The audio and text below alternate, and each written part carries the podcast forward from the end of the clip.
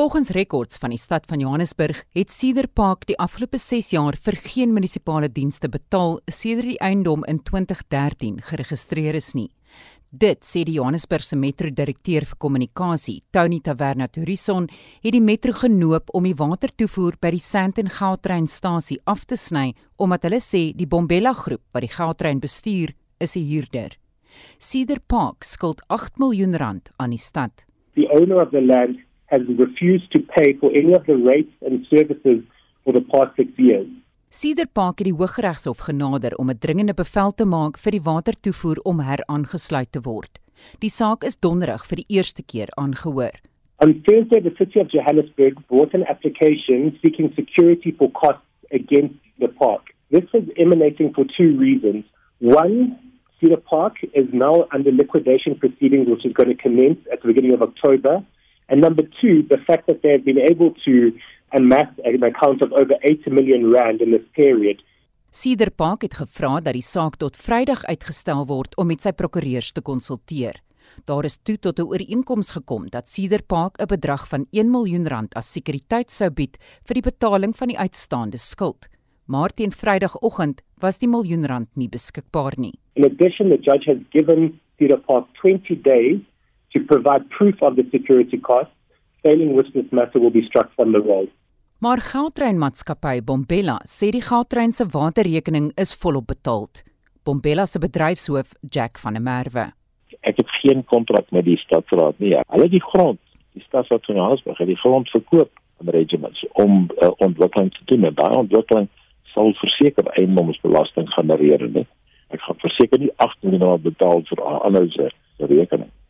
Die verwarring oor die uitstaande 8 miljoen rand vir munisipale dienste tree in met die grond waarop die Gautrain Sandtonstasie gebou is.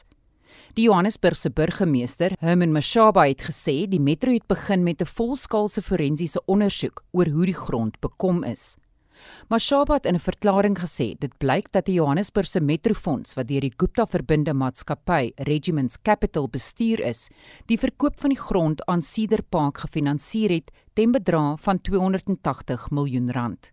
Where it becomes even more scandalous is the fact that a bond was simultaneously issued by the city in favor of Cedar Park for the full purchase price of 280 million rand.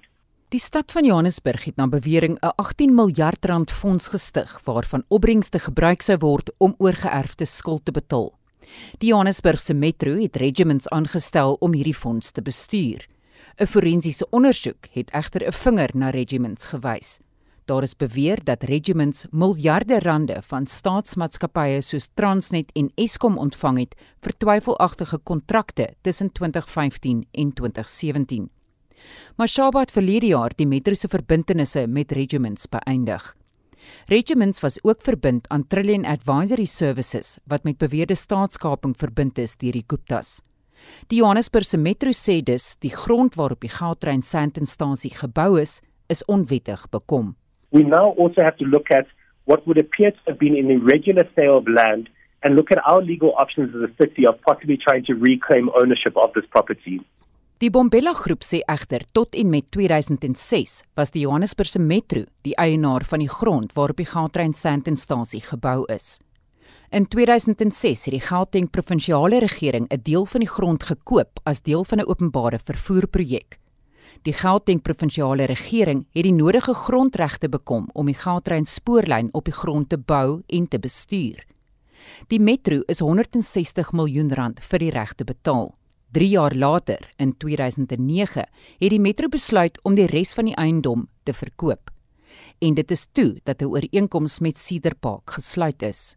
Die Gautrain Sandtonstasie is in 2010 oopgemaak en word bestuur, onderhou en gedeeltelik gefinansier deur die Bombella Groep op grond van sy ooreenkoms met die Gautengse provinsiale regering. Bombella beset dus die eiendom op grond van sy regte en nie as huurder van Cedar Park nie. Hier is Pompela se Jack van der Merwe.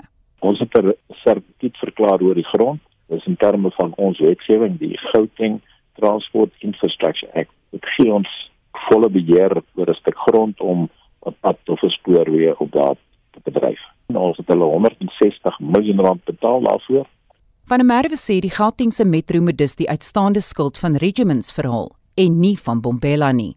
Nou probeer hulle maak asof regiments is nou eienaar van die grond en ons is 'n huurder. En die stadsraad sê jy hulle gaan individueel met huurders beklei nie, hulle gaan die persoon wie die eiendom besit se water en ligte afsny, weer dwing om om die belasting betaal. Wat hulle nou sê is dat ons as Gautrain moet nou daardie agterstallige 8 miljoen rand betaal en dan moet ons dit by regiments vra. Op 1 Oktober sal Bombela en die Gautengse provinsiale regering magte saamspan wanneer hulle die Johannesburgse stadsraad hof toe vat om te vra dat die watertoevoer onmiddellik herstel moet word. Van 'n merwe sê 20000 mense gebruik daagliks die Gautrain Sandtonstasie en dit veroorsaak enorme ontwrigting en moontlike higiëniese gevaartoestande omdat daar geen watertoevoer is nie. Ons het nou niks water op die stasie. So glad toilette werk nie. So jy kan nie uitspring gou toilet toe gaan nie jy nou uit die betaalde area gaan en in die parkering die portable toilets daarna toe gaan.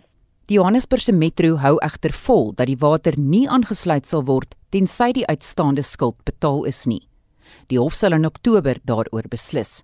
Tot dan moet geldreingangers nie enige water toevoer by die Sandton stasie verwag nie. Ek is Estie de Klerk vir SAK nuus.